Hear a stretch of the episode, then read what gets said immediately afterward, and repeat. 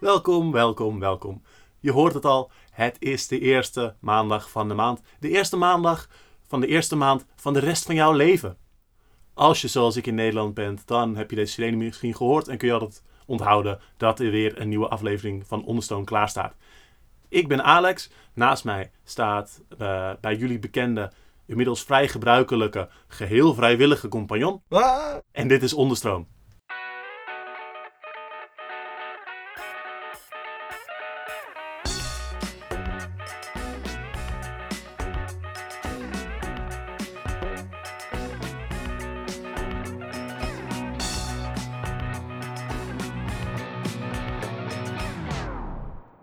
Nou Henk, we hebben het natuurlijk gehad over uh, goede voornemens vorige maand. Waarom je het goede voornemen moet hebben. Je weet welke.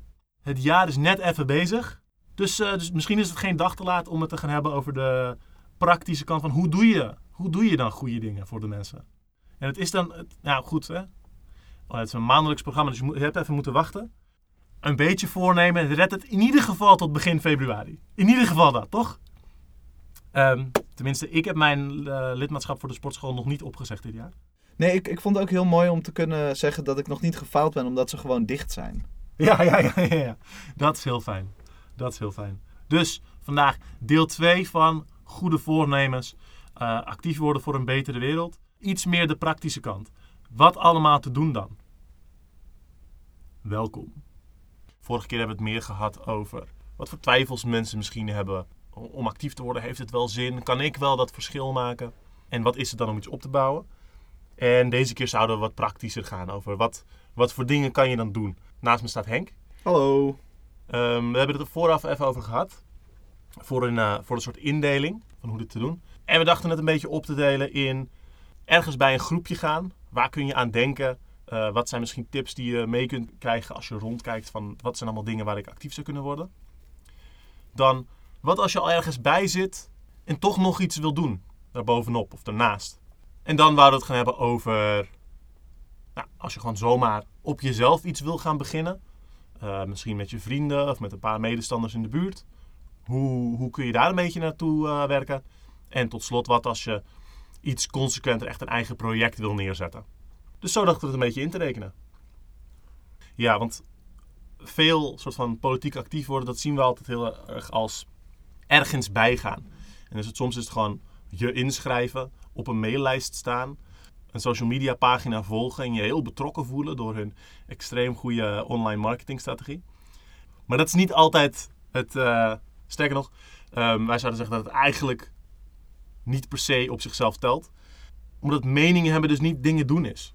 Nee, het, hetzelfde geldt voor dit soort online consumptiedingen. Het is, uh, het is ook belangrijk om echt zelf uh, dingen te gaan doen en uh, actief te worden.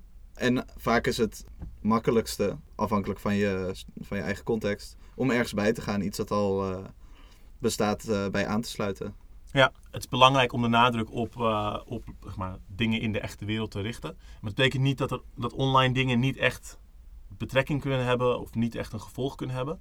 Maar er is wel een verschil tussen gewoon in een, op een online forum ergens zitten en daar meepraten tegenover dan wel online, dan wel offline iets neerzetten en iets, uh, iets opbouwen. Ja, er is gewoon, gewoon een groot verschil tussen uh, memes liken van een linkse memepagina en de memepagina beheren of, of memes ervoor maken. Dat is, ja. dat is gewoon een groot verschil. Groot verschil. Dus als we het gaan hebben over ergens bijgaan. Ja, hoe, hoe doe je dat? Of wat, wat willen we mensen meegeven? Ik ben in mijn verleden wel eens ergens bijgegaan.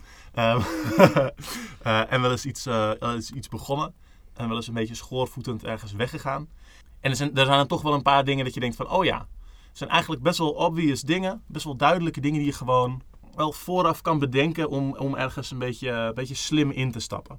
Ja, ik, ik denk dat een van de belangrijkste dingen is om gewoon eerst voor jezelf duidelijk te hebben wat voor soort dingen wil je eigenlijk gaan doen? Waar ben je in geïnteresseerd? Niet alleen wat voor soort politieke ideologie of, of, of, of substroming of wat dan ook. Of, uh, of wat voor uh, thema je mee bezig wil zijn. Maar ook wat voor soort activiteiten, wat voor soort groep wil je juist bij een heel erg hechte groep, soort van meer affiniteitsgroepachtig model zitten? Of vind je het veel fijner om bij een iets formeler, eh, ab- abstracter ding te zitten, waar, waarbij iets zakelijker wordt omgegaan.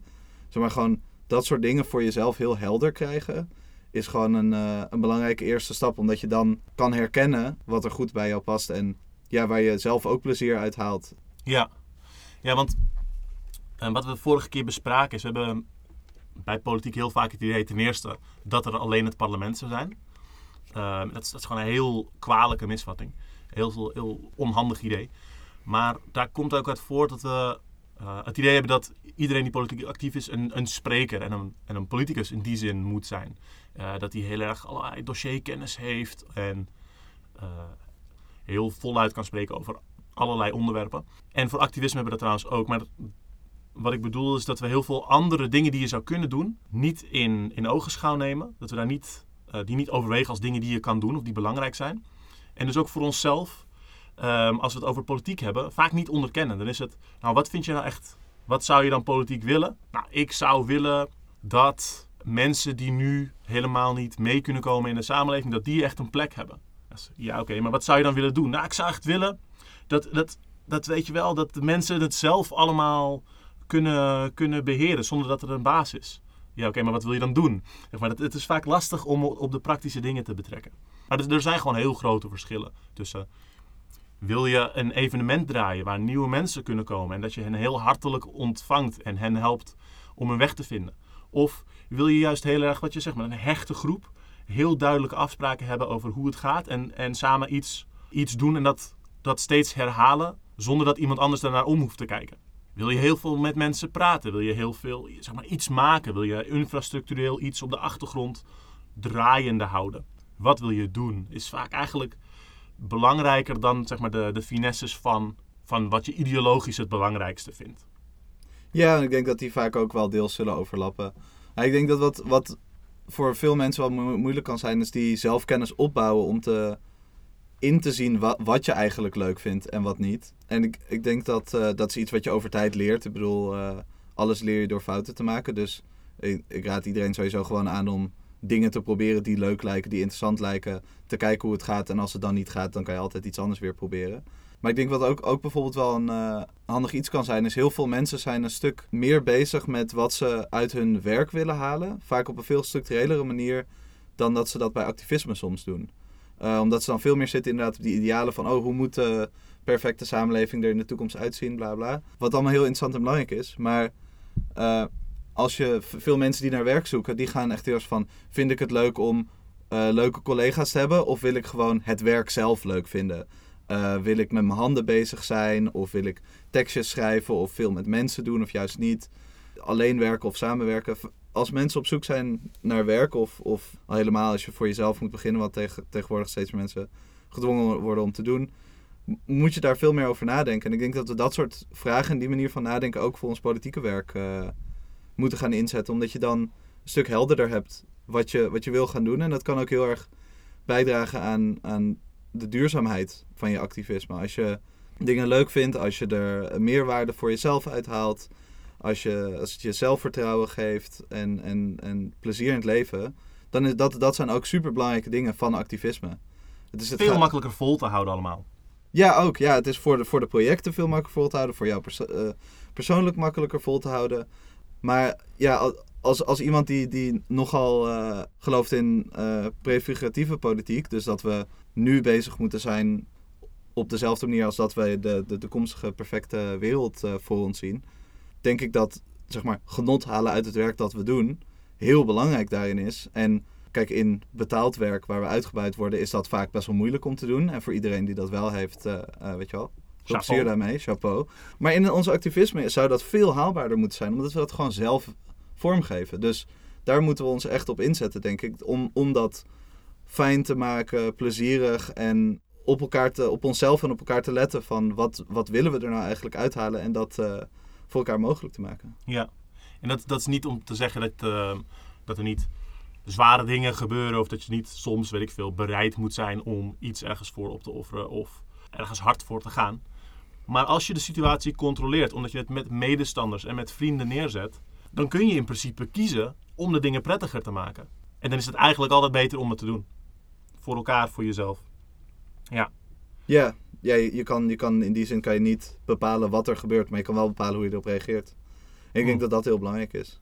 Ja, dus ook als het dan heel, heel praktisch is van wat, st- stel ik ben, eh, ik ben jong en ik wil wat, of ik ben wat ouder en ik wil wat. ik, ga ik ga rondkijken, wat, wat zijn dan dingen om mee te nemen? Nou, vooral überhaupt het rondkijken. Überhaupt ehm, een beetje verkennen wat, wat er aanwezig is in je buurt of op, het, op de thema's die je interessant vindt. Wie zijn de spelers en kan ik een keertje kijken? Kan ik gewoon een keertje meedoen met iets? Om een idee van de sfeer te krijgen, van hoe mensen met elkaar omgaan, hoe ze zich richting andere groepen opstellen. Dat zijn allemaal handige dingen om eens een keer een, ja, een glimp van op te vangen. Dus bijvoorbeeld, stel je gaat naar een, een keer naar een evenement en je kookt een keer mee, of je bezoekt een keer een leesgroep om met de mensen mee te spreken. Ga een keer samen met een groep mee met, met een flyeractie. Hoe doen ze dat? Nemen ze je mee? Hoe communiceren ze onderling? Wat, wat, wat doen ze achteraf? Hoe, hoe gaat dat? Voel je je er thuis? Ja, ik denk dat dit soort ehm, persoonlijke connecties vaak soms nog wel belangrijker zijn dan eh, de soort van hoge politiek die we, die we uitdragen. En dat, het, dat, dat je dat van een afstand vaak niet zo goed kan zien. Je kan wel een flyer zien van een, eh, van een actiegroep of van een collectief of een uitnodiging voor een evenement. Maar je, je merkt pas of dat soort dingen klikken door gewoon dingen met mensen te gaan doen. Door gewoon, ja, eigenlijk wat, een van de voorbeelden die je noemde was voor mij altijd het bekendste voorbeeld van een keer meekoken tijdens een evenement. Ik, ik ken echt zoveel mensen die zo actief zijn geworden bij eh, überhaupt en bij specifieke collectieven. Omdat ja, je, je bent gewoon een beetje dingen aan het doen, maar tegelijkertijd kan je lekker kletsen. Ja. Of je kan eh, naar muziek luisteren en dan discussiëren over hoe slecht of goed het wel niet is. En het zijn ook dat soort dingen die, eh, die er heel erg aan bijdragen of, of een project leuk is. En daarom zou ik inderdaad op dat, dat rondkijken van... Neem gerust een kijkje bij verschillende dingen en bepaal daarna pas als je echt ergens bij wil gaan. Of ga, ga ergens bij en bedenk dan daarna, wil ik hierbij blijven of wil ik iets anders ook nog proberen. Je hoeft niet het eerste wat je ziet je volledig op te, op te werpen. En ik, ik wil ook aan iedereen meegeven, dit verschilt heel erg waar je actief bent. Maar overal zal het je verbazen hoeveel dingen er zijn. Zelfs op plaatsen waar echt bijna niks is, is er nog steeds veel meer dan je denkt.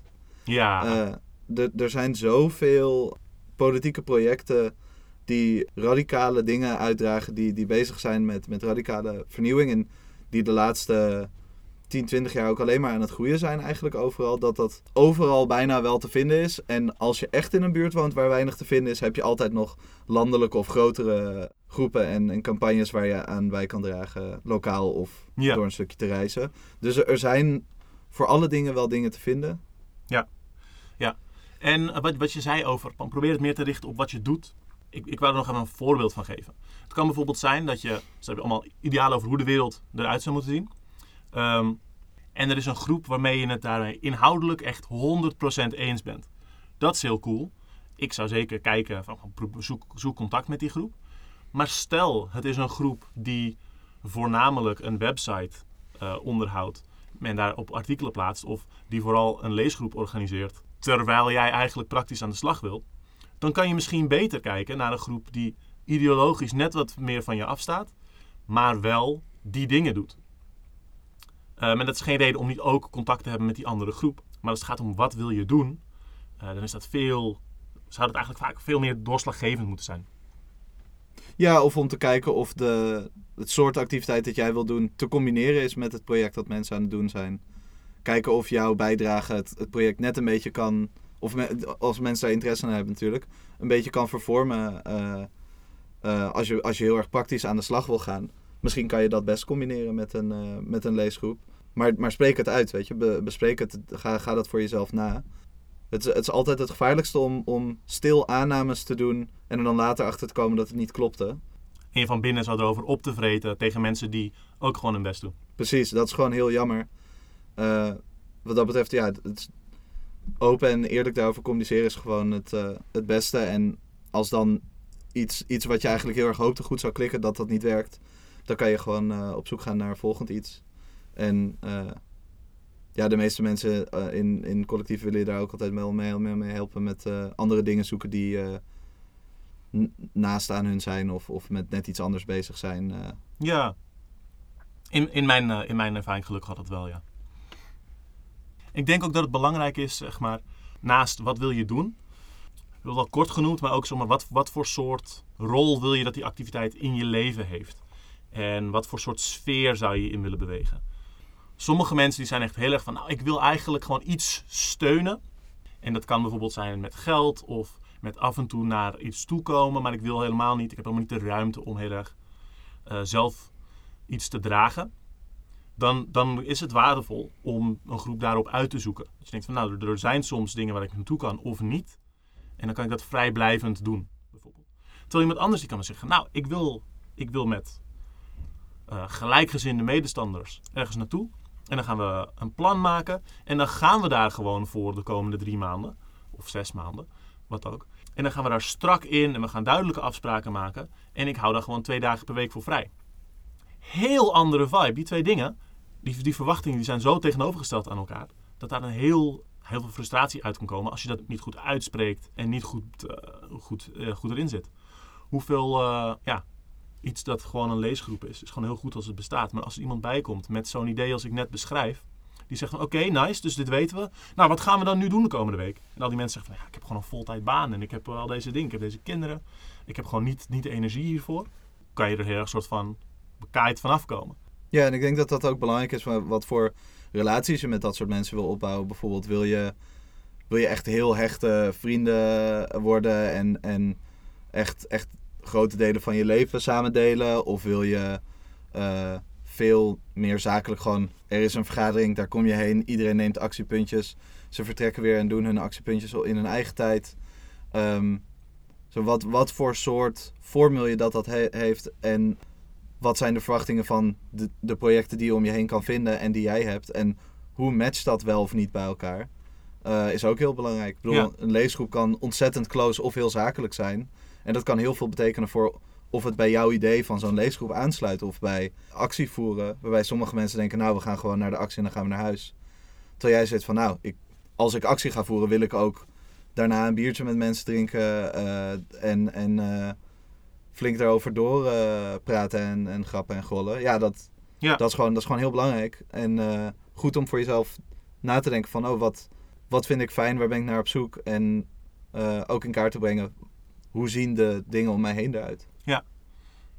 Ook bijvoorbeeld een, een, een politiek, politieke groep, hoeft niet een actiegroep te zijn, maar die kan ook in jouw leven iets van steun bieden. Bijvoorbeeld, stel je hebt, je hebt eh, iets op basis waarvan je eh, gediscrimineerd wordt of onderdrukt of heel, heel veel problemen hebt, om dan in een groep met gelijke politieke ideeën het daarover te kunnen hebben. Dat kan ontzettend waardevol zijn. Maar het is dus wel belangrijk dat het een groep is waar daar ruimte voor is. Of waar de andere mensen dat ook willen doen. eh, tot op zekere hoogte. Dus als je, als je wil dat het echt een soort eh steun gemeenschapsachtige rol voor je heeft. ehm, dan is dat goed om te zeggen. Dan bij zo'n heel zakelijke groep kan dat heel lastig lopen. En soms is het dan ook belangrijk om meerdere van dat soort groepjes aan te doen. De ene om op vrijdag mee te schaken en het over je te pro- problemen te hebben. En de andere voor een zakelijk project eh, dat iets uitbouwt. Oh ja, nou goed, dus stel je, je kijkt, kijkt bij zo'n groep.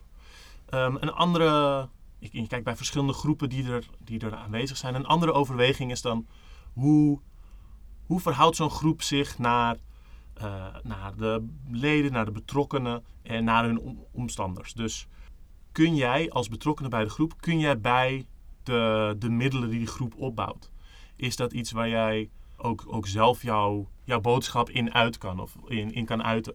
Of dat eh, als jij een specifiek project hebt, dat ze daarvoor ontvankelijk zijn.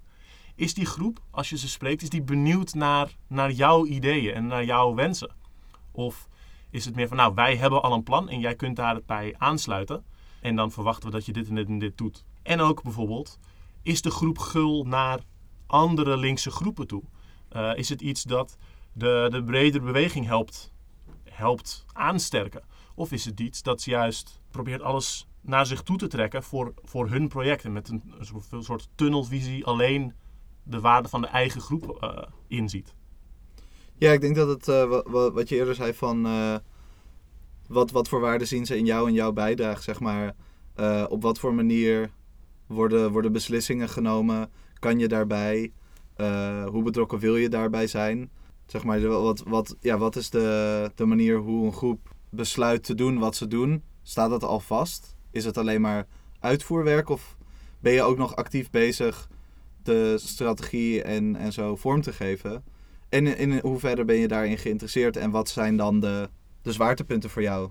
Eh, dat is heel goed om na te gaan en eh, te kijken van, nou, sluit, sluit dit aan bij wat ik ervan verwacht en, en wat ik van wil. Ja, ja. Ja, een van de dingen waar ik ook het meest voor zou willen waarschuwen is een, een groep die, die je het idee probeert te, te geven dat ze het enige zijn wat er is. Zeg maar, activistisch en links landschap is ontzettend breed. Er gebeuren allerlei dingen. En er zijn allerlei groepen die op allerlei manieren met elkaar samenwerken. En er is best wel iets raars aan de hand als een groep dat niet, niet onderkent. Ja, nee, dat is een vrij eh, problematische houding. Oké, dus stel, stel, je zit al ergens bij, maar je hebt toch een voornemen van, ah, maar ik wil eigenlijk meer doen, ik wil meer in een actievere rol stappen, of ik wil eigenlijk no- nog iets anders erbij doen. Ik zit al ergens bij en ik wil iets. Ik denk dat dit gevoel best wel, eh, best wel voorkomt.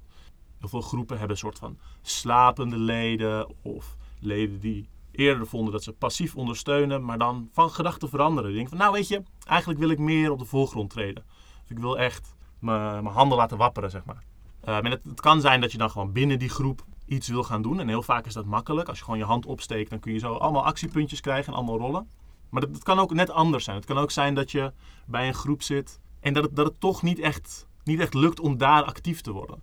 Bijvoorbeeld omdat ze heel gericht met één ding bezig zijn en jij eigenlijk iets anders wil. Bijvoorbeeld wat we, wat we eerder noemen, een heel zakelijke groep, waarvan je eigenlijk de community kant mist, bijvoorbeeld. Ehm, maar het kan ook zijn dat je bijvoorbeeld heel erg je, artistieke kant in je politiek wil uiten, Ehm, maar dat je zit bij een groep die vrij strikt hun media output controleert, waardoor jouw, jouw output, jouw, de dingen die jij maakt, niet via die kanalen kunnen, omdat ze niet, niet aansluiten. Dat betekent niet dat je het niet mee eens bent met die groep, of dat je er niet bij kan blijven, Ehm, maar betekent dat je misschien onder een andere naam of met een andere groep dat project zou kunnen doen. Er zijn allerlei manieren van, oké, stel je zit ergens bij en je wilt toch nog meer doen. Ja, ik denk dat het belangrijk is om eh, je wat dat betreft nooit te laten opsluiten in, in één bepaalde organisatie of één groep. Het is, het is heel goed om ja, door te hebben wat voor soort dingen werken binnen welke groep. En het kan ook heel makkelijk zijn dat eh, door iets in een andere groep te doen, door bijvoorbeeld eh, je, je creatieve lusten ergens anders te uiten, dat je gewoon die eerste groep ook extra kan ondersteunen.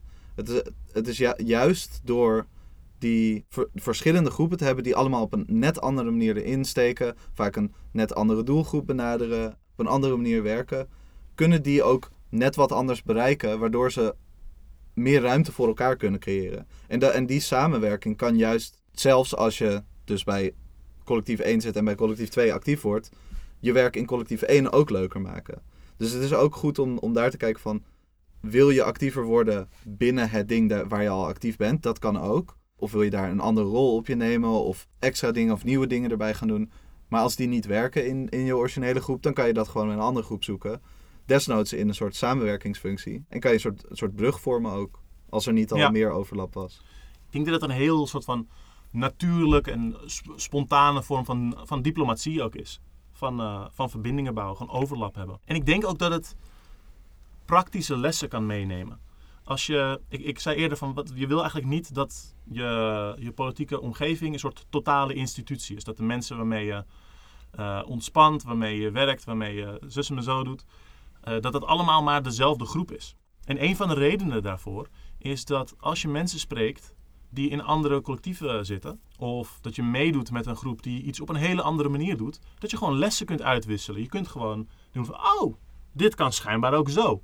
En die, die uitwisseling die kan vaak gewoon ontzettend vruchtbaar zijn en gewoon nieuwe, nieuwe vragen, nieuwe ideeën meebrengen. Eh, plus het is gewoon heel belangrijk om te accepteren dat bepaalde dingen werken in een, in samenstelling en, en niet in een andere. Als je het heel belangrijk vindt om bij een, eh, een zakelijk collectief te zitten dat superveel resultaten behaalt, waar je heel gelukkig van wordt, kan je alsnog ook zin hebben in een collectief waarmee je gewoon gezellig eh, grappen kan maken en helemaal niet zo op die resultaten zit en een stuk losser bent. Dan is het heel erg onhandig om te gaan forceren dat één groep die twee dingen tegelijk doet. Ja, ja, dat brengt mij op een van mijn favoriete retorische vragen.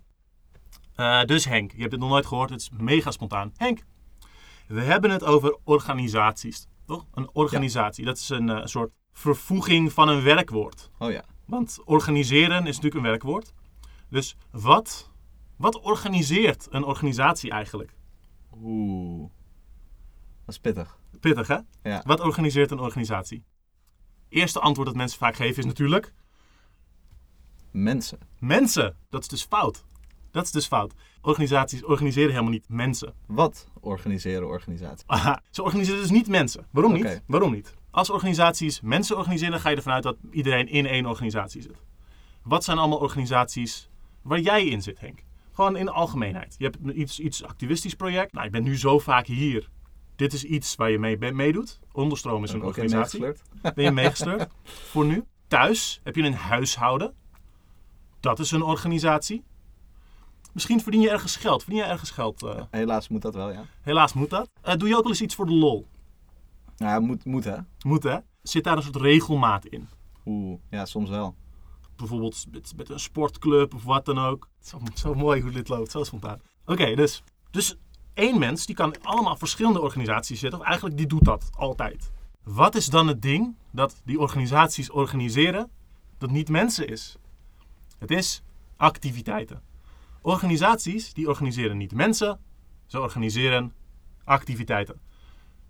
Dus bij één organisatie één ding doen en bij een andere organisatie iets anders doen, is compleet natuurlijk en normaal. En daarom is het zo raar als we de conceptie hebben dat we een beweging willen neerzetten die allerlei dingen gaat veranderen, die iets, iets geheel nieuws wil neerzetten.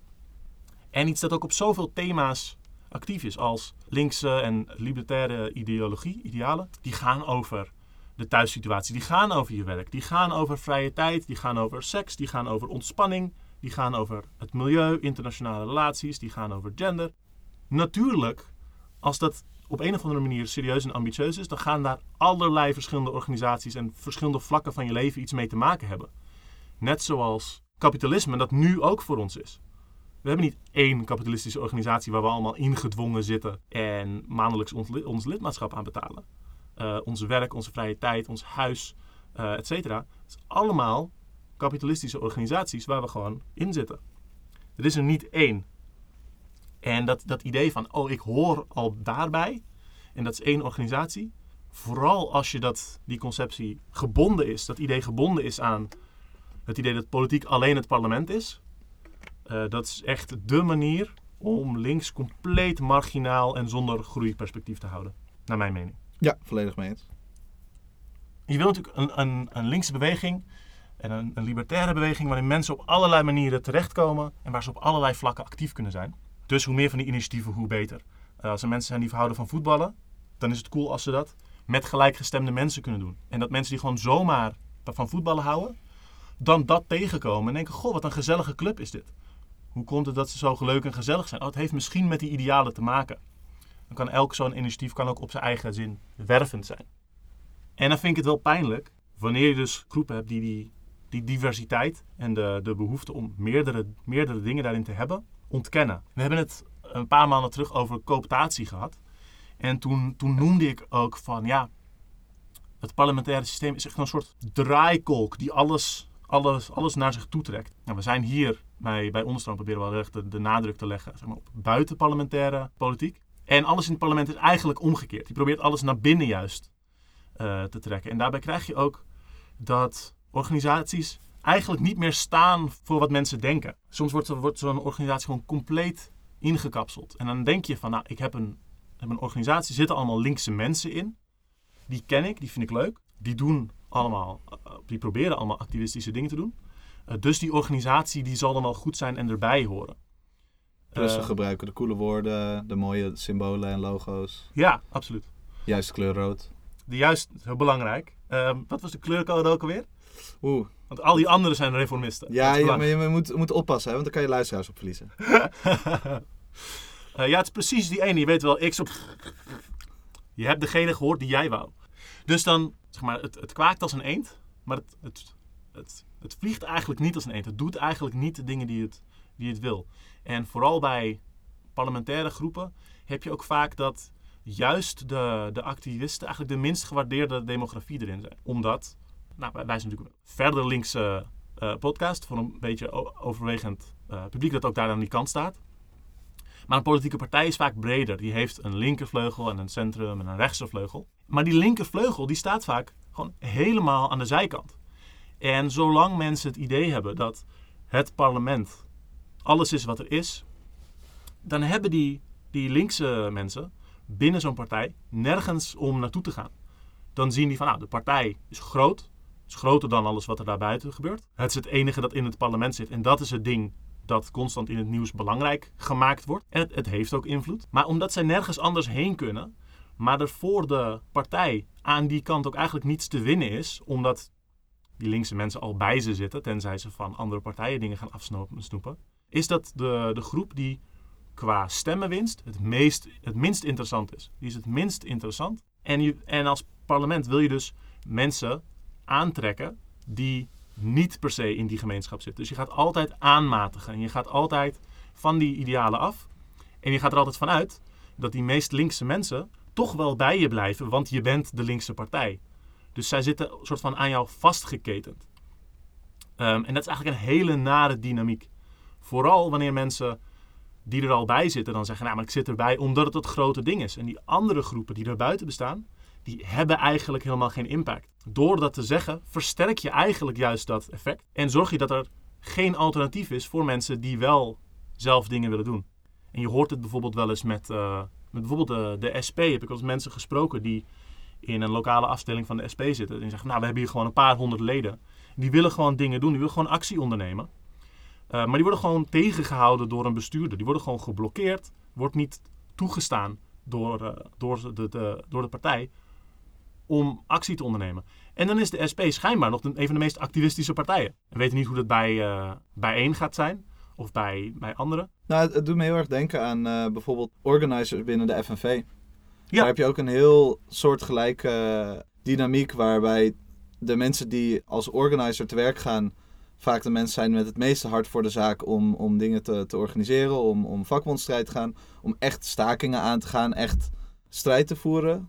En die krijgen de meest precaire contracten en voorwaarden. En als die ook maar één keer iets van kritiek laten horen of wat dan ook, worden die eruit gegooid. En voordat ze eruit worden gegooid, worden ze helemaal uh, burn-outs ingewerkt en weet ik het wat niet. Omdat voor zo'n grote organisatie die mensen worden gezien als... Nou, er zijn er meer dan dat wij willen hebben. Dus dan kunnen we, dat, uh, dan kunnen we ons dat wel uh, permitteren om daar zo mee om te gaan. Nou, dat is, dat is gewoon... Ja. Dat is gewoon pijnlijk om te zien, omdat dat zijn gewoon allemaal mensen die vet waardevol zijn en heel vet werk willen doen. Ja.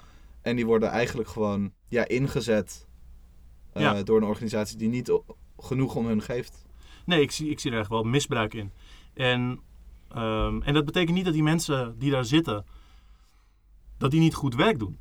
Of dat niet willen. Uh, ik denk dat er heel veel, heel, heel sympathieke mensen, heel veel hart voor de zaak, heel veel inderdaad qua ideeën op één lijn met ons zitten. Maar daar niet naar kunnen handelen, omdat ze zo actief zijn in een zo ingekapselde groep of partij. Ja, ja sommige van de beste campagnes komen gewoon van uh, organizers af. Dat is ook niet verbazingwekkend. Nee, nee, natuurlijk niet. Het doet me soms een beetje denken aan voetbalclubs. Aan geprivatiseerde, door een bedrijf opgekochte commerciële voetbalclubs. Want die komen vaak gewoon van lokale voetbalclubs. Dat is gewoon mensen in een stad, in een buurt, die gaan samen voetballen. Die richten een aantal teams in. En die, dat, dat breidt zich uit, dat groeit, het wordt populair. Ze worden goed in wat ze doen. En ze hebben echt een band met de stad en de mensen die er wonen.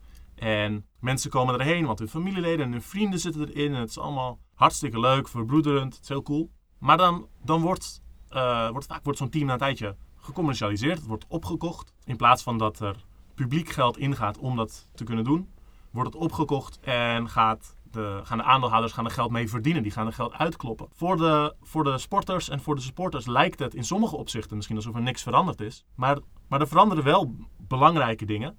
En wat, wat er vooral bij gebeurt, is dat de gemeenschap die eromheen staat, dat wordt een, een, stuk, een stuk eigendom. Iets dat geld verdient voor aandeelhouders die dat geld uit de gemeenschap halen. Dus het is erg, nou, het is hartstikke leuk dat jullie zo'n binding hebben met deze club. Maar wat eerst gewoon jullie lokale eh, samenhang in de gemeenschap was, is nu gewoon merkloyaliteit geworden. Heel pijnlijk. En eh, ja, heel vervelend dat, dat, dat het eigenlijk zo op elkaar lijkt eh, binnen zeg maar, grote parlementaire groepen. En soms is het dan een kwestie van, zeg maar, steun ik ze dan nog wel of niet? Soms doen ze alsnog wel waardevolle dingen, maar moet je ermee oppassen dat deze dynamiek speelt. en soms kun je het zo gebruiken om wel gelijkgeaarde mensen te vinden en dan andere dingen te gaan doen, of wat dan ook. Maar soms is het echt wel serieus goed om je eens te vragen: als mijn vrienden me zo zouden behandelen, zou ik dan nog vrienden met ze zijn? Verdienen ze mij wel? Weet je? Ik denk dat er best wel wat mensen een soort gek Stockholm-syndroom hebben. En het idee dat het parlement het enige altijd moet zijn. Of hun parlementaire groep, of wat dan ook. Volgens mij is het tijd voor een pauze. Ja. Ehm, oké, het is weer shout-out time. Elke maand, elke maand noemen we een aantal coole linkse projecten, libertaire projecten, whatever. Als je hier ook in wil zitten, stuur ons dan gewoon een e-mailtje, mij, nooit Henk mailen. Um, nooit nooit mij mailen. Nooit, komt niets goeds van. alex.onderstroom.red of benader me op Insta of op YouTube of wat dan ook. Hartstikke leuk. Ik begin deze shout-out met wat last minute toevoegingen. Die doe ik eh, in mijn eentje zonder Henk. Dag Henk. Om te beginnen het Zwarte Gat. Het Zwarte Gat is een actiefonds voor de noordelijke provincies van Nederland. En zij richten zich heel veel op buitenparlementaire acties. Veel minder op eh, NGO's en dingen internationaal. Dus echt heel lokaal, heel alternatief.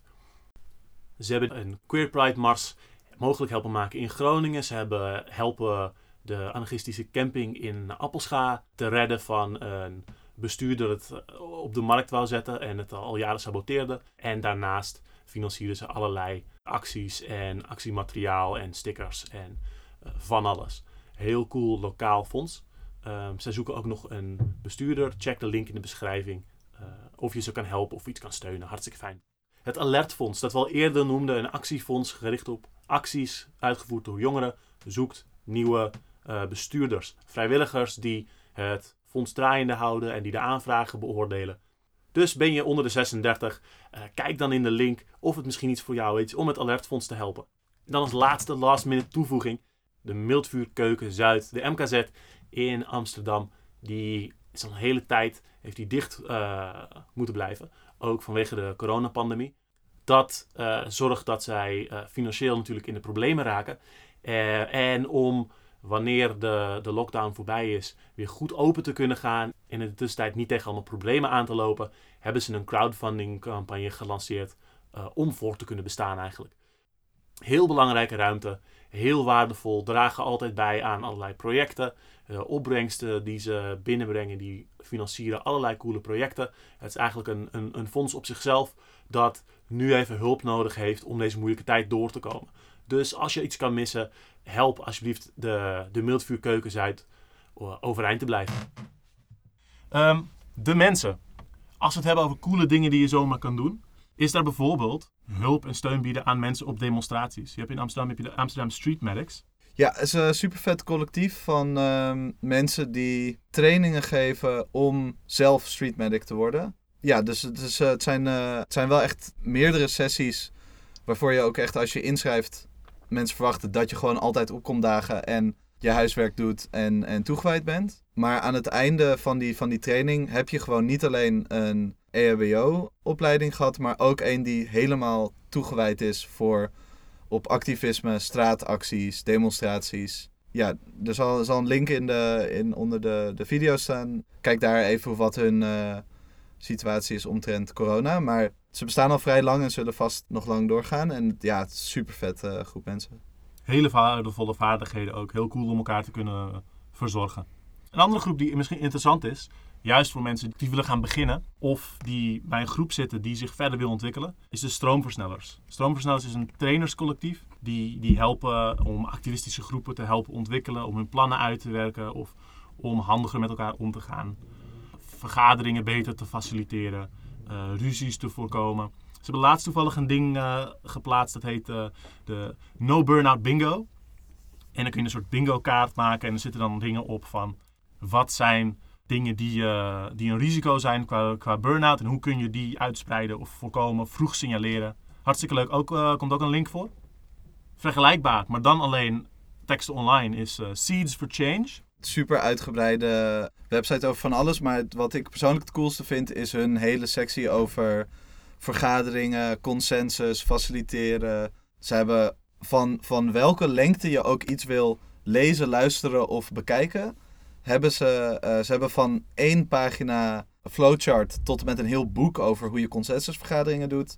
Allerlei verschillende formatten ervan. Echt een van de beste teksten die ik eh, gelezen heb ooit over. Ja, hoe je ja, samenwerkt en, en samen beslissingen neemt en, en kan communiceren. Het is super fijn. Twee specifieke teksten trouwens die heel cool zijn om te lezen als het gaat over zelf beginnen iets neer te zetten. Ook voor het komende stuk na de, na de pauze straks. Zijn eh, Small Town Organizing en Build Those Collectives. Daar ga ik ook links voor plaatsen.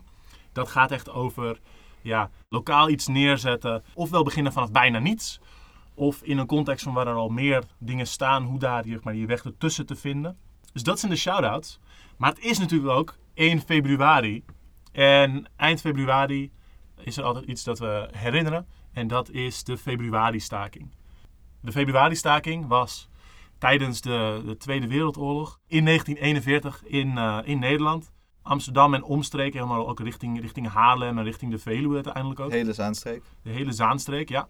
Was het enige, eh, en daarmee dus ook het grootste, maar het enige massaprotest tegen de nazi-onderdrukking in heel West-Europa. Of in heel Europa zelfs. Ja, het is sowieso de grootste vorm van staking en massaal straatverzet tegen de eh nazi's. Op, openlijk vorm van verzet, dus niet eh ondergronds verzet. Van heel Europa tijdens, tijdens de oorlog. En het was een, eh, een staking in, in, uit solidariteit met de deportaties van, eh, van de Joden die toen eh, net waren begonnen. Ja, klopt. Het is, ehm, er, is ook elk jaar een, een herdenking van. En dat, dat ligt altijd een beetje moeilijk, omdat de, de herinnering van het verzet in de Tweede Wereldoorlog en dus ook van de februari-staking, dat wordt altijd heel krom verteld. Het wordt, zoals ik graag zeg, gelibwashed.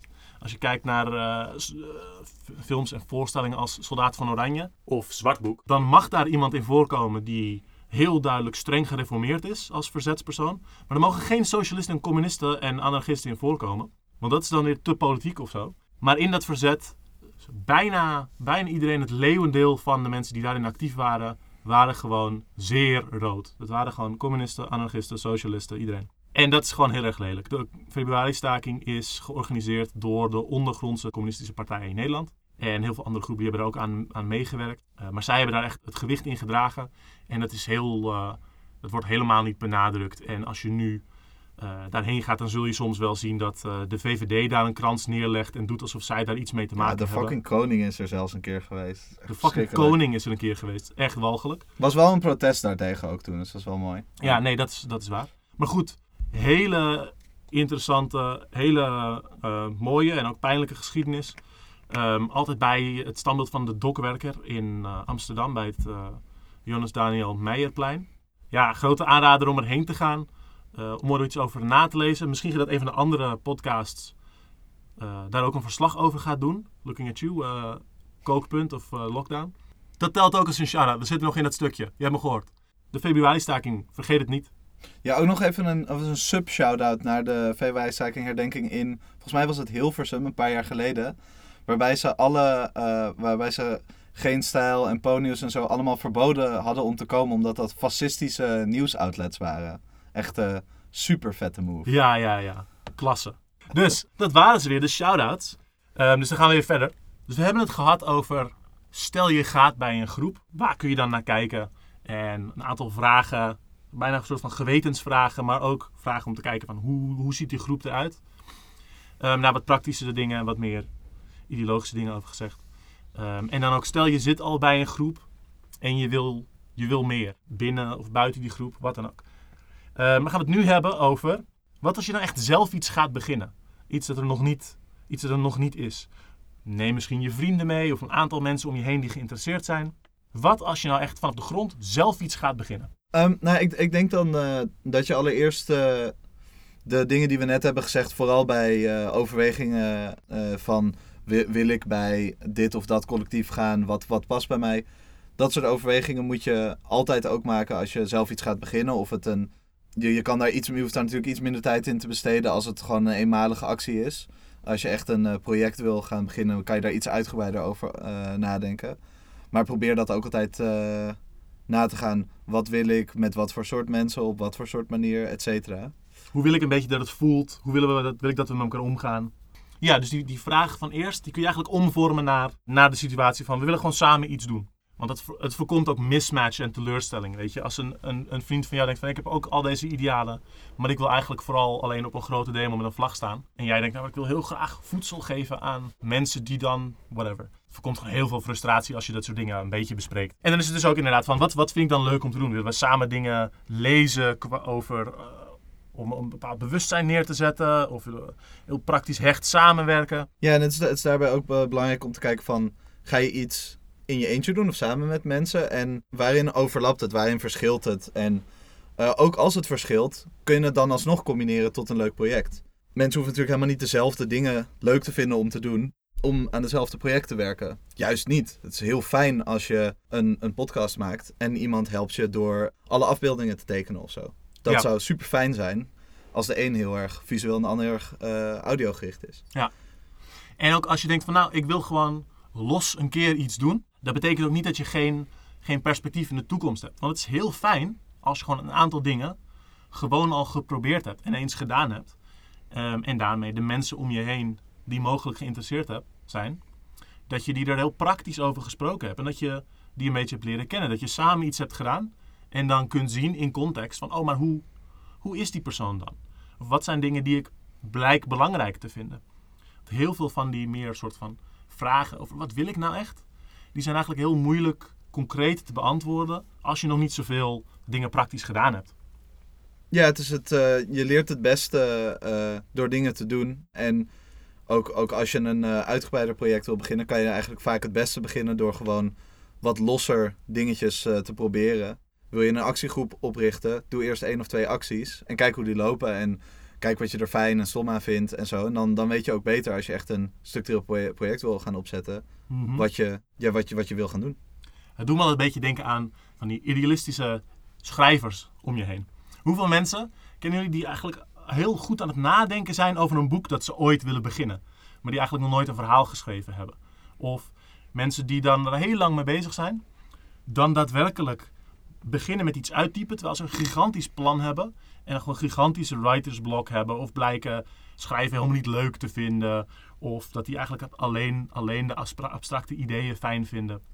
Hoeveel van die mensen die zouden geholpen zijn of meer aan de slag kunnen als ze gewoon een aantal korte verhaaltjes hadden geschreven en dan kijken welke kanten daarvan ze leuk vinden en wat ze moeilijk vinden en wat ze erover kunnen leren. Heel vergelijkbaar voor mijn gevoel.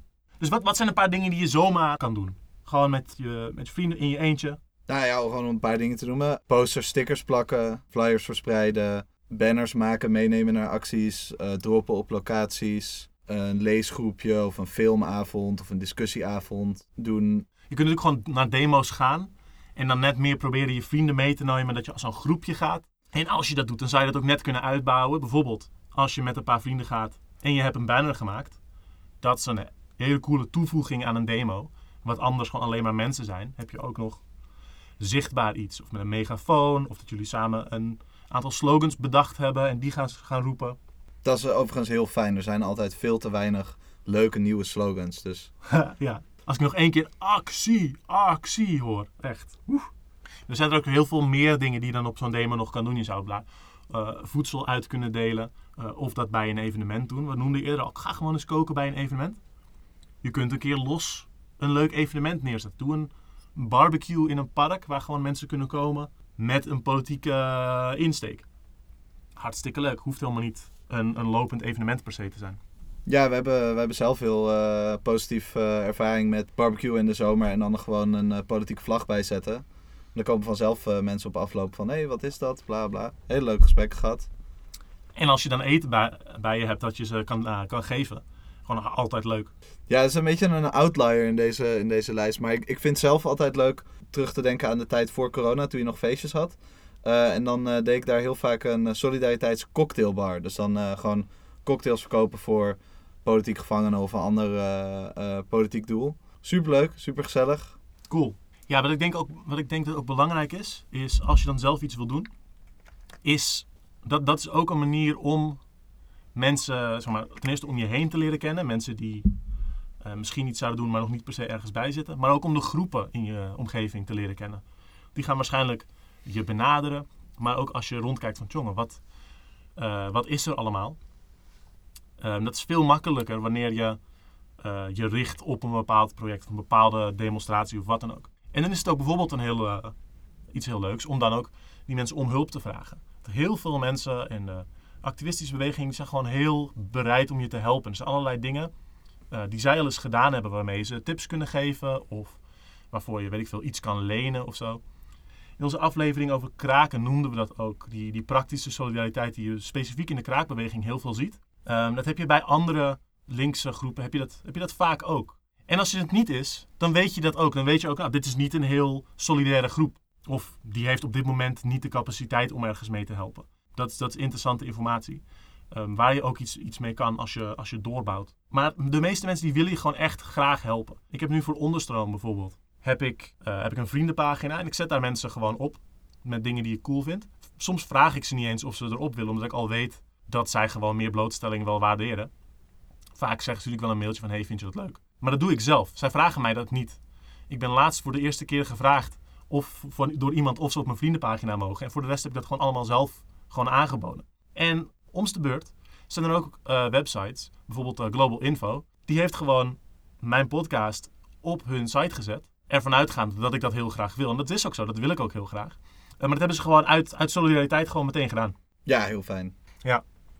Ja, dus we hebben een aantal dingen genoemd die je gewoon best wel snel al kan doen.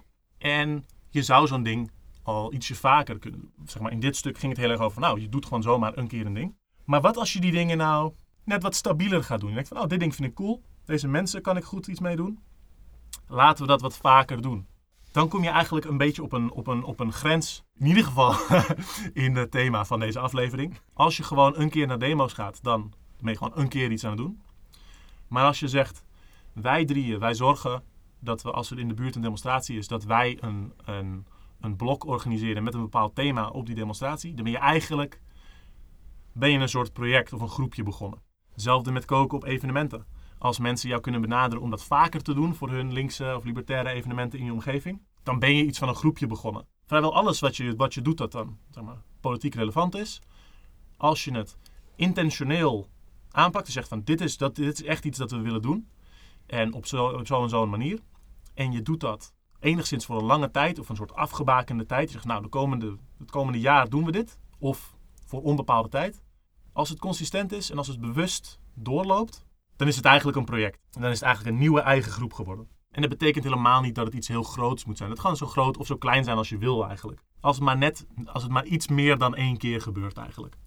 Ja, ik denk dat het hier vooral gaat om, om de intentie die je erbij hebt. Het gaat echt om, om intentioneel kiezen voor wij gaan dit ding doen. Dat betekent niet dat je op elke demo dan dat blokje moet oproepen. Het heel erg dat wij jezelf voor waken dat je niet jezelf gek maakt met, met, met zelfbedachte werkstress en zo. Maar het gaat erom dat je echt zegt, wij willen iets structureel gaan doen. Wij willen echt niet gewoon soms naar een demo gaan. We willen zorgen dat we dan met een bakfiets met eten gaan uitdelen. En dat gaan we gewoon, misschien niet bij alle demo's doen, maar we gaan proberen dat bij zoveel mogelijk demo's die wij belangrijk vinden, daar te staan dan, dan ben je echt bezig met een project. En dan, dat kan zo groot of klein zijn als je wil. Maar dan wordt het dus al snel de moeite waard om ook wat dieper te gaan nadenken over uh, de structuur van, van hoe je dat opzet. Over wat meer uh, lange termijn dingen. Omdat projecten kunnen kort of langdurig zijn, maar zijn altijd uh, langduriger dan een eenmalige actie. Ja. Ook al is een project maar één publicatie maken en daarna is het klaar dat is één ding, maar dat is natuurlijk meer dan één keer een actie doen of één keer naar een actie toe gaan. En dan, dan moet je dus echt meer gaan kijken van match deze groep, hoe, hoe werken we samen, hoe kunnen we die onderlinge band creëren die we nodig hebben voor dit project. Hoe, hoe hecht of formeel die dan ook uh, is. En, en daar echt als groep voor gaan zitten en dat uitdenken. Ja. Um, hier is overigens de tekst waar we het eerder over hadden, uh, Collectives, echt ja, perfect heel sterk, ijzersterk. En ik denk dat we eigenlijk opnieuw weer kunnen verwijzen naar die vragen van het begin van deze aflevering. Van hoe wil ik ermee bezig zijn? Wat voor rol wil ik dat het in mijn leven heeft? Wat voor sfeer willen we onderling hebben? Ja, het is een beetje een terugspoelaflevering. Dat is een beetje de terugspoelaflevering. Ehm misschien ga ik, die, ga ik die vragen wel ook ehm, in de beschrijving zo onder elkaar nog een keer zetten als een soort leuke checklist of zo. Eh, maar als het ook echt ja, midden met, met een project is, dan is het ook net, net iets belangrijker dat je ook hebt van... Wat zijn de doelen van het project precies? Eh, welke vaardigheden hebben we in huis al? Welke hebben we nodig? Ehm, moeten we misschien iets leren? Wat zijn de leuke kanten eraan? Wat zijn de minder leuke kanten? En hoe kunnen we dat ondervangen? Wie kan ons helpen? Wie kunnen wij helpen? Ja, zijn er, zijn er eh, projecten om je heen of, of collectieven die jou kunnen ondersteunen? Andersom, dat zeg maar de, dezelfde vragen van rondzoeken, maar dan voor je project in plaats van alleen voor jezelf, zijn daar ook heel, heel interessant in. Dus er bestaan in, eh, in Nederland eh, zoveel infrastructurele projecten die andere politieke projecten ondersteunen, zolang ze maar linkse, eh, pro- progressieve politiek hebben. Daar, daar kan je gewoon heel erg op voortbouwen en heel veel profijt van aan hebben voor je eigen organisatie. Maar vaak zijn juist die groepen die ook wat meer ondersteunend zijn, zijn ook net wat moeilijker te vinden ook. Dus het is ook belangrijk om eh, bij mensen die wat langer rondlopen te vragen van wat, wat speelt er allemaal? Wie kan hiermee helpen? Wie moet ik spreken? Dat, ja, netwerken eigenlijk. Het is best wel belangrijk. Eh, en dus ook inderdaad, hoeveel tijd kan iets kosten? Hoeveel, eh, hoe grote ruimte heb ik hiervoor in mijn leven? Maar ook wat voor, wat voor stress krijg ik ervan? En, en hoe, hoe schat ik dat in? Ehm, en ga, ook, ga er ook vanuit dat eigenlijk alles langer duurt dan je denkt. Daar komen we straks nog op terug. Misschien is het leuk om een, om een aantal soorten projecten te noemen. Dat mensen wat voorbeelden hebben. En dat is niet een uitputtende lijst, maar ja, we noemden al samen naar demo's gaan. Die groep die altijd de havermelk mee heeft op demonstraties. De groep die altijd flyert voor iets cools dat misschien met de demo te maken heeft. Dat is heel duidelijk een soort van klassieke actiedingen, dat iets toevoegt aan een demonstratie. En vaak ook iets dat de organisator van de demo niet zelf nog erbij kan nemen. Omdat het te veel werk is. Ik noem graag embedding in cultuur. En embedding, wat is dat? Eh, dat is eigenlijk dat je eh, in allerlei sociale groepen, in allerlei achtergronden, demografieën, een eh, linkse of libertaire groep hebt, een geluid. Dus stel je houdt van schaken, dat je een plek hebt waar linkse schakers terecht kunnen komen. Zoiets zou je kunnen opzetten. Je zou een pagina kunnen maken en die delen in alle dingen die met schaken te maken hebben, zodat mensen die links zijn en iets met schaken willen, dat die daar terecht kunnen komen om daar dingen over te zeggen, bijvoorbeeld. En dat kan, dat kan wat dan ook zijn. Het kan voor een, een, een stuk identiteit zijn, een stuk achtergrond of een, eh, iets waarmee je problemen hebt. Mensen die ooit de verkeerde handgreep hebben aangeleerd bij het busrijden en nu een gerachte pols hebben. De linkse buschauffeurs-editie. Het kan voor alles zijn. Wat, wat, het, wat dat heel erg doet, is dat in plaats van dat je een linkse subcultuur hebt, heb je een links in elke subcultuur. Dat is ontzettend waardevol. Ja, daarnaast kan je nog denken aan bijvoorbeeld iets als eh, collectieven die vo- vooral bezig zijn met outreach. Dus een eh, propagandagroep of een podcast, om maar iets te noemen. Ehm, eh, maar die echt, echt bezig zijn om ideeën en praktijk naar buiten te brengen en te, te delen met een breder publiek. Nieuwe mensen bereiken, ja. Ja. En eh, je hebt natuurlijk klassieke thema- of actiegroep. Dat is gewoon een groep die rondom één thema of een bepaalde vorm van actie of een bepaalde vorm van dingen doen actief is om druk te zetten, dingen binnen te halen. Ja, dat is natuurlijk een heel klassiek voorbeeld. En een beetje, niet echt daartegenover, maar op, op een, die, die eigenlijk zo'n soort van leuke wisselwerking daarmee heeft, is een soort van de meer infrastructurele ondersteunende projecten. Die vaak minder op bepaalde thema's gericht zijn, maar meer op een bepaalde structuur neerzetten. Dus bijvoorbeeld actiekeukens ja. of eh, drukkerijen of Een sociaal centrum. precies. En, en die hebben vooral met thema en actiegroepen een hele eh, sterke wisselwerking, omdat de een de ondersteuning van de andere groepen nodig heeft om hun acties eh, effectiever te maken en de infrastructuur natuurlijk nutteloos is als we nooit acties zouden voeren. Dus bijvoorbeeld ehm, hele coole actiegroep, hebben jullie vast van gehoord. Kick-out Zwarte Piet. Mensen die heel erg gepa- gepassioneerd zijn over een bepaald belangrijk thema, daarop aan de slag gaan. Die gebruiken sociale centra waar ze samen kunnen komen. En als die er niet waren, dan moesten ze daar heel veel geld aan besteden. Of zouden er allerlei dingen niet kunnen gebeuren. Zoals bijvoorbeeld eh, de samenscholing in, eh, in Den Haag toen. Of, of een andere eh, code rood, die doet van die massa-acties. En die hebben dan actiekeukens, zoals Le Sabot bijvoorbeeld. Ja, en er zijn ook andere mogelijkheden. eh, maar een aantal van deze categorieën zijn wel lekker, lekker breed. Je zou ook nog iets van een soort gezellig, gezellige communitygroep kunnen hebben. En dat, dat ligt ook een beetje tegen die embedding aan. Uh, maar dat je echt iets neerzet waar mensen met bepaalde idealen op basis daarvan samenkomen.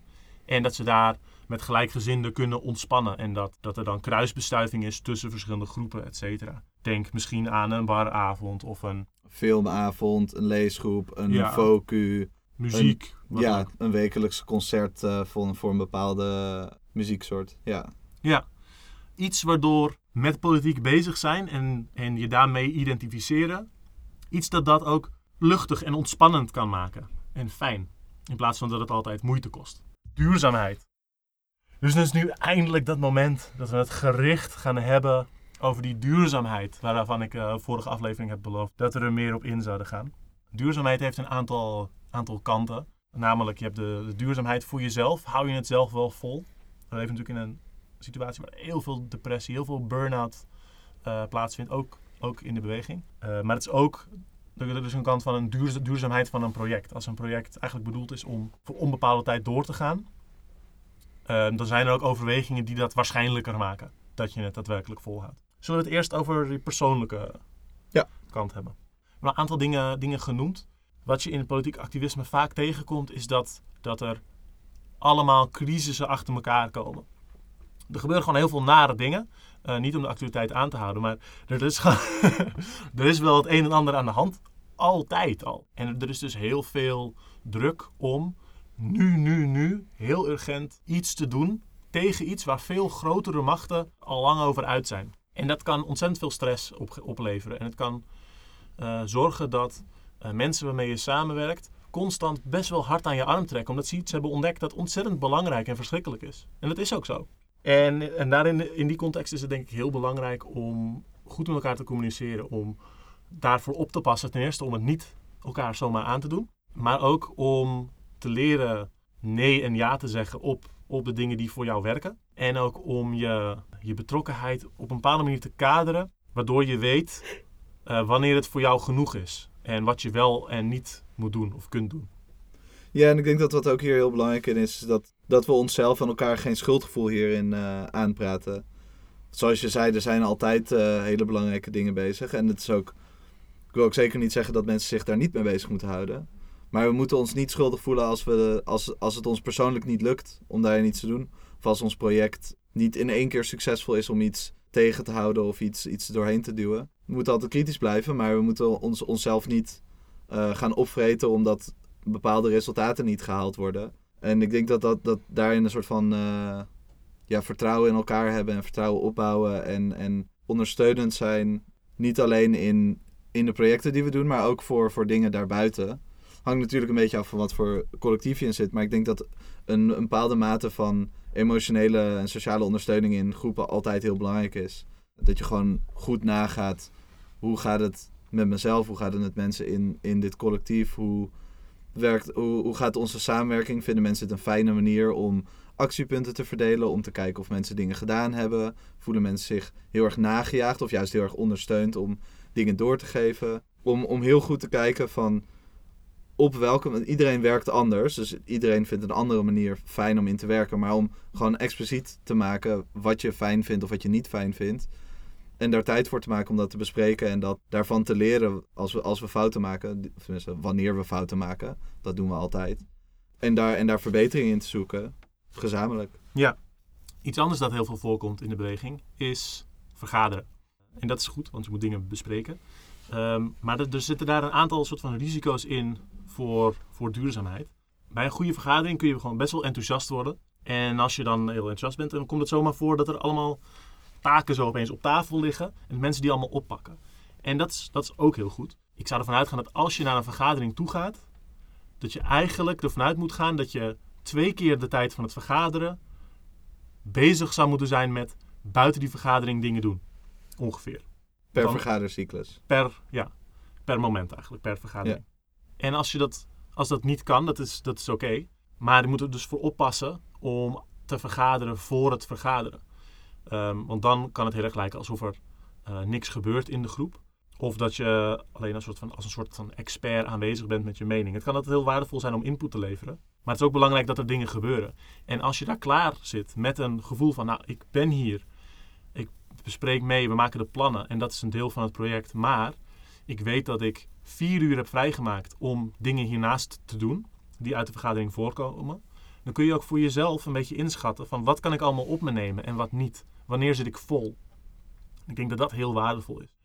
Ook als je niet per se die vier uur aanhoudt, dan is het waardevol om, om daar een, een soort balkje voor jezelf aan te houden van dit is, dit is mijn, mijn capaciteit. Want dan weet je voor de volgende keer of het misschien te veel was. En dan kun je dat een beetje bijhouden. Ja, ik denk dat het ook heel belangrijk is om hier te kijken naar het feit dat iedereen natuurlijk anders in elkaar zit. En ik ben zelf erg fan van, van, van dat model van twee uur vergaderen vier uur werk doen.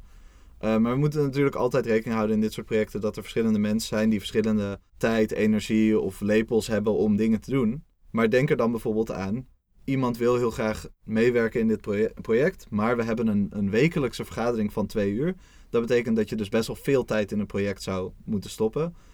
Is het dan mogelijk om mensen te faciliteren, zodat ze niet elke week naar een vergadering hoeven te gaan en daar al hun tijd in en energie in stoppen en, daar, en daarna niet meer, nog meer dingen kunnen oppakken? Of, of kunnen mensen meedoen aan vergaderingen op, voor, voor, een, voor een gedeelte van de vergadering of op een manier die minder energie kost voor hun?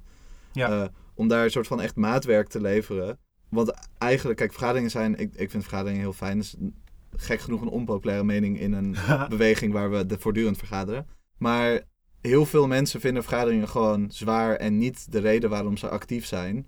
Dus die willen gewoon dingen doen. En of dat nou een leuk evenement in elkaar zetten is, of creatief bezig zijn, of actie voeren, willen veel liever daarmee bezig zijn dan het bespreken van die dingen gaan doen in de toekomst misschien. Uh, dus probeer dat zoveel mogelijk voor mensen te faciliteren en te zorgen dat vergaderingen, hoe belangrijk ook, zijn eigenlijk een facilitair middel voor de dingen die je wil gaan doen. Niet andersom. En dat is heel belangrijk om bij te houden. Ja, ja, ja. Ja, ja dan is het ook inderdaad, we hebben, we hebben het er al een beetje over gehad. Maar met duurzaamheid is het ook goed om te kijken van hoe is de cultuur intern? Moeten we, moeten we wat vrijer zijn om ook grapjes te maken? Is het belangrijk uh, dat we een strakkere maximum tijd voor de vergadering hebben? Zodat we daarna een uur echt ontspannen met elkaar kunnen kletsen zonder vergadermoment. Dat, dat, zijn, dat, dat zijn dingen die je kunt overwegen. Als het terug buiten de vergadering is, soms kan je in plaats van een nieuw politiek project op te pakken dat tijd van je pakt, kun je ook tijd die je al besteedt afbuigen en dingen die je al doet politiek maken. Bijvoorbeeld, stel je houdt al van koken en één keer in de week ga je gewoon thuis groot koken. Dat zou je misschien op een sociaal centrum kunnen doen. En dan is het een, een VOCU, een volkskeuken, dat je uh, voedsel maakt en mensen kunnen daar gewoon voor kostprijs of donatie of zo eten. En eventueel daarmee ook een politiek project spekken. Dan doe je eigenlijk niet veel meer dan je anders gedaan zou hebben. Maar je ondersteunt wel de beweging. We hadden het eerder over een project als bijvoorbeeld sociale inbedding. Daar zit dat ook heel erg aan. Bijvoorbeeld, stel je hebt een bepaalde hobby. Als je dan binnen, binnen die hobby de mensen met een bepaalde politieke mening bij elkaar haalt, zodat die onderling de rest van, de, van die hobby daar iets naartoe kunnen communiceren of iets kunnen beïnvloeden. Of gewoon zich gesterkt voelen bij elkaar. Of gewoon het ding dan zijn waar de, waar de mensen voortaan bij terechtkomen. Dat is ontzettend waardevol. Maar het hoeft helemaal niet veel aan jouw tijd toe te voegen. Je moet alleen zorgen dat mensen, dat je doelgroep herkent dat je daar bent. Dat zij er naartoe kunnen komen en dat het chill is. Ehm, maar in principe kun je heel veel van de gewone dingen van je hobby gewoon doen. Ik denk ook dat dat qua duurzaamheid heel veel kopzorgen kan schelen. Als ik bijvoorbeeld aan... Uh ik bedoel, je hebt dit met allerlei hobby's hoor, maar het is nogal berucht is uh, gamers. Wat, hoe, hoe ontzettend toxisch die gemeenschap kan zijn. Vooral als het aankomt op, op racisme en, en uh, gender en seksisme en zo. Ja, dan denk ik van, het is toch heel fantastisch als je als revolutionair of linkspersoon gewoon in een clubje met gamers kan zitten die niet verschrikkelijke shit roepen de hele tijd. Ja, Dat is gewoon, weet je, dat, je, je kan dat zien als, oh, dat is weer nog een project en dan moet ik daar tijd aan besteden. En als het meer energie kost dan het je oplevert, is het die tijd misschien niet waard. Maar ik, ik ken net zo goed mensen die, uh, die zeggen van ja, ik, ik, uh, ik zit gewoon in een uh, leuk groepje waar ik alleen maar game met mensen die, die gewoon niet fucking zuur zijn. Ja. Nou ja, dat, dat kan je heel veel energie geven die je anders moet besteden aan dealen met, met bullshit. Ja, en als je dan in die gemeenschap wel af en toe de berichten, de oproepen, wat dan ook, kan delen van sympathieke groepen die bijvoorbeeld wat meer actiegericht zijn of wat zakelijker en wat meer soort van politiek productief, dan, dan kan dat, eh, doordat er die, die basis is, kan dat enthousiasme losmaken dat die groepen daar meer kracht uitputten. Of het kan zijn dat als die gemeenschap die je zo neerzet, dat die echt eh, wat mensen aantrekt en wat actief eh, wordt, dat het gaat borrelen. Dat, ook hoewel jij niet de tijd hebt om meer hiermee aan te pakken, dat die gemeenschap die je helpt, hebt helpen neerzetten, dat daar enthousiasme en tijd uitkomt die ingezet wordt om bijvoorbeeld dat project te gro- groter te maken en veel politieker te maken dan je misschien ooit gedacht had. Dit doet me allemaal denken aan, eh, aan gerrymandering. Ken je die term, gerrymandering? Ik, ik ben er, ja, het is weer zo'n ding uit de VS volgens mij. Klopt. Ja, en er is ook geen Nederlands woord voor. Ik heb het geprobeerd te vertalen en het betekent iets van knoeien met kiesdistricten. Gerrymandering, dat heb je in van die, eh, vooral van die first past the post systemen. Dus dat betekent ehm, Winner takes all. winner takes all. Dus je hebt binnen een kiesdistrict, bijvoorbeeld de gemeente, zou je kunnen zeggen, heb je dat er een aantal afgevaardigden komt, misschien één, misschien vijf, maar die vallen allemaal onder de winnaar, de grootste partij of de grootste kandidaat. Dus bijvoorbeeld, als je dat in Nederland zou hebben, dan zou je heel grote kans hebben dat eh, de VVD nog veel groter was dan die al is. Omdat, zeg maar, alle gemeentes waar de VVD 60% heeft, daar heeft de VVD dan 100%. Want alles gaat naar de VVD. In de Verenigde Staten heb je dan ook nog zo dat die kiesdistricten eigenlijk bijna elke zoveel jaar opnieuw ge- gete- ingetekend worden.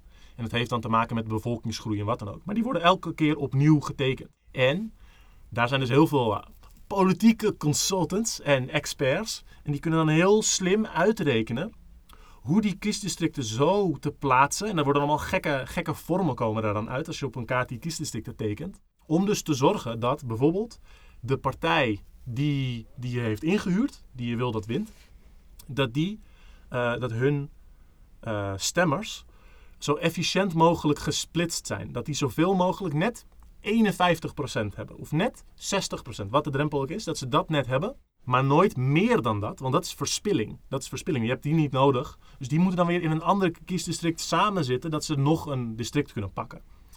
En daar komt die naam ook vandaan. Er was een meneer, eh, meneer Gary, meneer Jerry. En die, die deed dit. Die deed dit. En die deed het zo belachelijk dat je allemaal gekke hagedis-salamandervormen op de kaart kreeg. Je voelt hem misschien al aankomen. Gekke salamandervormen. Eh dus allemaal gekke dunne dingen met allemaal rare benen die alle kanten op gaan. Verwrongen lichamen. En dan was er dus een politiek analist die zei van ja, dit is belachelijk. Allemaal rare salamander hagedis vormen op de kaart. Maar dit is geen salamander, dit is een gerrymander. Want meneer Jerry heeft ze gemaakt. dit is uiteraard een heel, heel naar proces dat, dat wat er zeg maar democratisch aan de VS zou zijn ontzettend eh, ondermijnt. Echt nog meer een farce maakt dan het al was. En het komt van bovenaf en het is dus bedoeld om de input van mensen eh, te, te verminderen en weg te cijferen. Maar in zekere zin heeft het bepaalde dingen gemeen met wel organiseren voor het goede. Want heel veel van wat je qua organiseren doet, is mensen die jouw gelijke mening delen, of die op een bepaald thema iets hebben en een, een, een uniek perspectief of elkaar kunnen helpen, die samenbrengen zonder eh, dat er eh, mensen die de tegenovergestelde mening hebben, eh, ertussen staan om het gesprek te frustreren. Dus dat je bijvoorbeeld, weet ik veel, met mensen die een bepaalde, bepaalde aandoening delen, eh, dat je die samen in een gesprek kunt zetten, waardoor er allerlei interessante dingen uit kunnen komen en zij op dingen kunnen komen die ze anders niet, niet zouden bedenken of samen kunnen doen. En die, die, die spreekruimte maken voor jezelf apart, dat, dat heeft wel iets van een soort gerrymandering, maar dan doe je het dus voor het goede en van onderaf. En in feite zijn zeg maar überhaupt politieke partijen hebben een beetje dit in zich. Weet ik veel. GroenLinks verzamelt alle mensen met een bepaalde insteek, of een aantal mensen met een bepaalde insteek, zodat die hun eigen verhaal neer kunnen zetten en een programma kunnen formuleren en dat bekender kunnen maken. En dus met, met zo organiseren kun je eigenlijk datzelfde doen. En dat is op zich al ontzettend waardevol politiek werk. Ja, het, het is een soort, eh, ja, een soort zelfselectie, eh, voor, voorselectie die, eh, die je maakt waarin je kan bepalen van wij willen specifiek met deze groep eh, dingen doen. Bedoel, doet mij gewoon heel erg denken aan eh specifieke, eh, bijvoorbeeld feministische groepen die zeggen we willen alleen dingen met vrouwen organiseren of, of algemeen dingen met niet-cis mannen. Ja. We willen gewoon een keer onderling spreken zonder dat, zeg maar met, met onze groep even, kijken wat eruit komt. Precies. bedoel, ja, je, je kan eindeloos van dat soort voorbeelden noemen. Queer avonden of, of bars waar hetero's eh, niet alles komen verpesten. POC-groepen waar, Ja. waar witte mensen niet eh, non-stop door alles heen tetteren. Ik bedoel, dit, dit zijn gewoon hele belangrijke processen van zelfselectie en voorselectie. En dit zijn dan een paar voorbeelden op basis van, van identiteit. Maar je kan het op, op alles doen. Dus op, op, eh, op politieke ideologie, op identiteit, op persoonlijke affiniteit, op, op de manier hoe je dingen wil doen. Het ma- maakt eigenlijk Ja. niet zoveel uit. En het is dus allemaal even legitiem om te doen. Zolang de mensen zelf ervoor kiezen, is dat gewoon een hele fijne manier van eh, organisatie. Omdat je daar dan zelf expliciet voor kiest. Het is ook, het is ook ontzettend zeg maar, normaal. Het voor die gerrymander, dat is slecht omdat het eh, gericht is op een bepaalde stem wegcijferen. ehm, en geen ruimte geven. En omdat het van bovenaf is. Maar dit, zeg maar, dat zelf doen, dat is gewoon, dat is gewoon vrije associatie. En ook buiten politiek is dat heel normaal. Stel, weet ik veel, je bent een voetballer en je denkt van nou, wat is het grappig om eens een keer met alleen maar keepers onderling te praten over hoe het spel gaat. Het is, het is de normaalste zaak van de wereld. Maar als je het gericht doet, kun je heel veel bereiken. Maar wat, wat voor soort groep je ook eh, opzet, tenzij het iets heel, soort van, heel geheims is, waar je, waar je echt voorzichtig mee moet zijn, ehm, is voor als je zo'n project opzet, is vaak belangrijk om vindbaar te zijn en andere mensen en groepen in de beweging te vinden, zodat je met hun samen soms dingen kunt doen. Stel je bent zo'n eh, zo'n schaakclub, dan is het dus heel cool als actiegroepen in de omgeving weten dat jij er bent, zodat zij hun flyers, hun posters bij jouw avond kunnen achterlaten.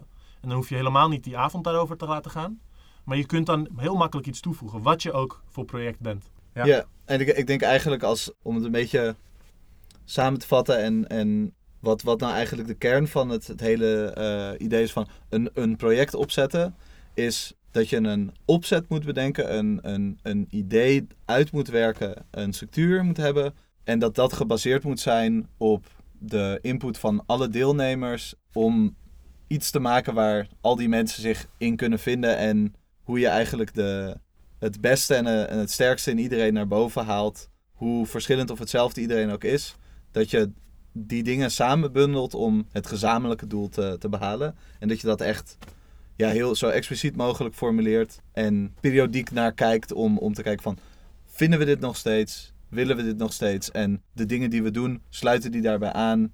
Is dat succesvol? Is het nog steeds fijn om te doen? En ook dat, ehm, dat de mensen waarmee je dit doet, dat die dus ook enigszins die mening aangedaan zijn. Dat je daar het, daar, daarover eens bent. En dat je, dat je kunt zeggen van nou, als ik het zo hoor, dan willen we misschien iets anders. Dus dan ga ik misschien, zeg maar, ik vind het wel goed dat jullie dit doen, maar het is misschien niet voor mij. Eh, of is het wel iets voor jou? Misschien, misschien werkt dat eigenlijk niet. We hebben het dan heel erg over zo'n plan maken en proberen daar consequent in te zijn. Maar dat betekent natuurlijk ook niet dat je daar heel ijzeren heinig aan vast moet houden. eh, en dat je daar niet inflexibel kunt zijn. Maar ik denk dat het wel heel waardevol is om juist wel een plan te hebben. eh, zodat je dat er vanaf kunt wijken. En dat met een duidelijke overweging kan doen. En ik denk ook dat mensen. En ik denk ook dat als je zo georganiseerd bent en iets van een, een duidelijk groepje hebt waarmee je op een bepaalde manier kunt samenwerken, dat je ook verrast eh, zult staan van wat voor mogelijkheden het eigenlijk biedt. Wat voor andere dingen je nog met zo'n groepje kan doen. En hoe, eh, hoeveel hulp je kan krij- krijgen als je als groepje bekend staat in een netwerk van andere groepjes die ook allemaal dingen kunnen. En waar allerlei andere mensen ook eh, mee bezig zijn. Hoe georganiseerder je bent, hoe makkelijker het ook is om samen weer meer nieuwe dingen te doen. Om de, de soort van kracht die je als gemeenschap opbouwt, om die te gebruiken voor nieuwe dingen. Ik denk ook, nog als een... een eh, we zijn bijna aan het einde. We zijn eigenlijk aan het einde. Ehm, deze dingen die we vertellen over een eigen project opzetten. We hebben weer de terugspoelaflevering. Het is eigenlijk niet heel anders als het helemaal je eigen project is, dan als het een project is binnen een grotere bestaande groep. Dan is het ook belangrijk dat andere groepen of andere onderdelen van die grotere groep, van die organisatie, ehm, weten dat je bestaat en onder wat voor voorwaarden jij ze kan helpen. En dan is het ook belangrijk dat het duurzaam is en dat je werkt met mensen die het doel belangrijk vinden en delen. En het op dezelfde manier doen. Je verhoudt je dan misschien net anders, afhankelijk van hoe die groep werkt. Maar er zijn, er zijn ontzettend veel overeenkomsten eigenlijk tussen, tussen al, die vier, al die vier onderwerpen die we een beetje gesplitst hebben voor deze aflevering. op het moment van opname weet ik nog niet wat de volgende aflevering gaat zijn. Ik heb een aantal dingen genoemd in de, in de Insta. Ehm, maar ik weet het nog niet precies. Misschien, eh, misschien ga ik in mijn eentje een artikel doen.